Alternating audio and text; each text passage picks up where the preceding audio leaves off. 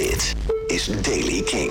Van dinsdag 27 februari 2024. In deze podcast hoor je binnen een paar minuten even het laatste muzieknieuws en de nieuwste releases. Maar mocht je gewoon dit meer willen, luister dan elke avond vanaf 7 naar Kink in Touch. Vandaag nieuws over Daft Punk, Hooba Stank en het festival van Devices. Jasper Leidens. Hooba Stank als eerste is van plan om een speciale show in Londen te geven voor de 20ste het, eh, verjaardag van het album The Reason. De Amerikaanse rockband gaat op 17 juli helemaal los in de O2 Academy in Islington.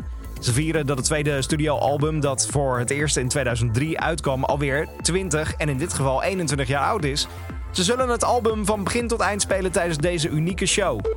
Daft Punk heeft een mijlpaal bereikt met hun eigen wassen beelden bij Madame Tussauds. De Franse muzieklegendes hebben een, uh, een wassen beeld gekregen. Uh, de stijlvolle pakken uit het Random Access Memories tijdperk, die dragen ze.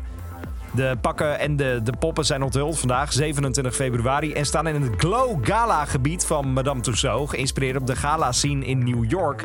Daft Punk staat daar op dit moment met onder andere Matthew McConaughey, Rihanna, Beyoncé en Ariana Grande. Sterkte daar. Dan Vicefest, het jaarlijks terugkerende festival van de Vices. Vandaag is de datum bekend geworden voor de editie van 2024. Het gaat plaatsvinden op 21 september en het was de afgelopen keren in de kleine zaal van de Oosterpoort. Nu wordt het groter dan ooit en zal het plaatsvinden in de grote zaal van de Oosterpoort. Vicefest 2024, het is op 21 september. Tot zover deze editie van de Daily Kink. Elke dag bijblijven over het laatste muzieknieuws en de nieuwste releases. Luister vanaf 7 naar Kink in Touch of morgen weer naar deze podcast. Elke dag het laatste muzieknieuws en de belangrijkste releases in de Daily Kink. Check hem op kink.nl of vraag om Daily Kink aan je smart speaker.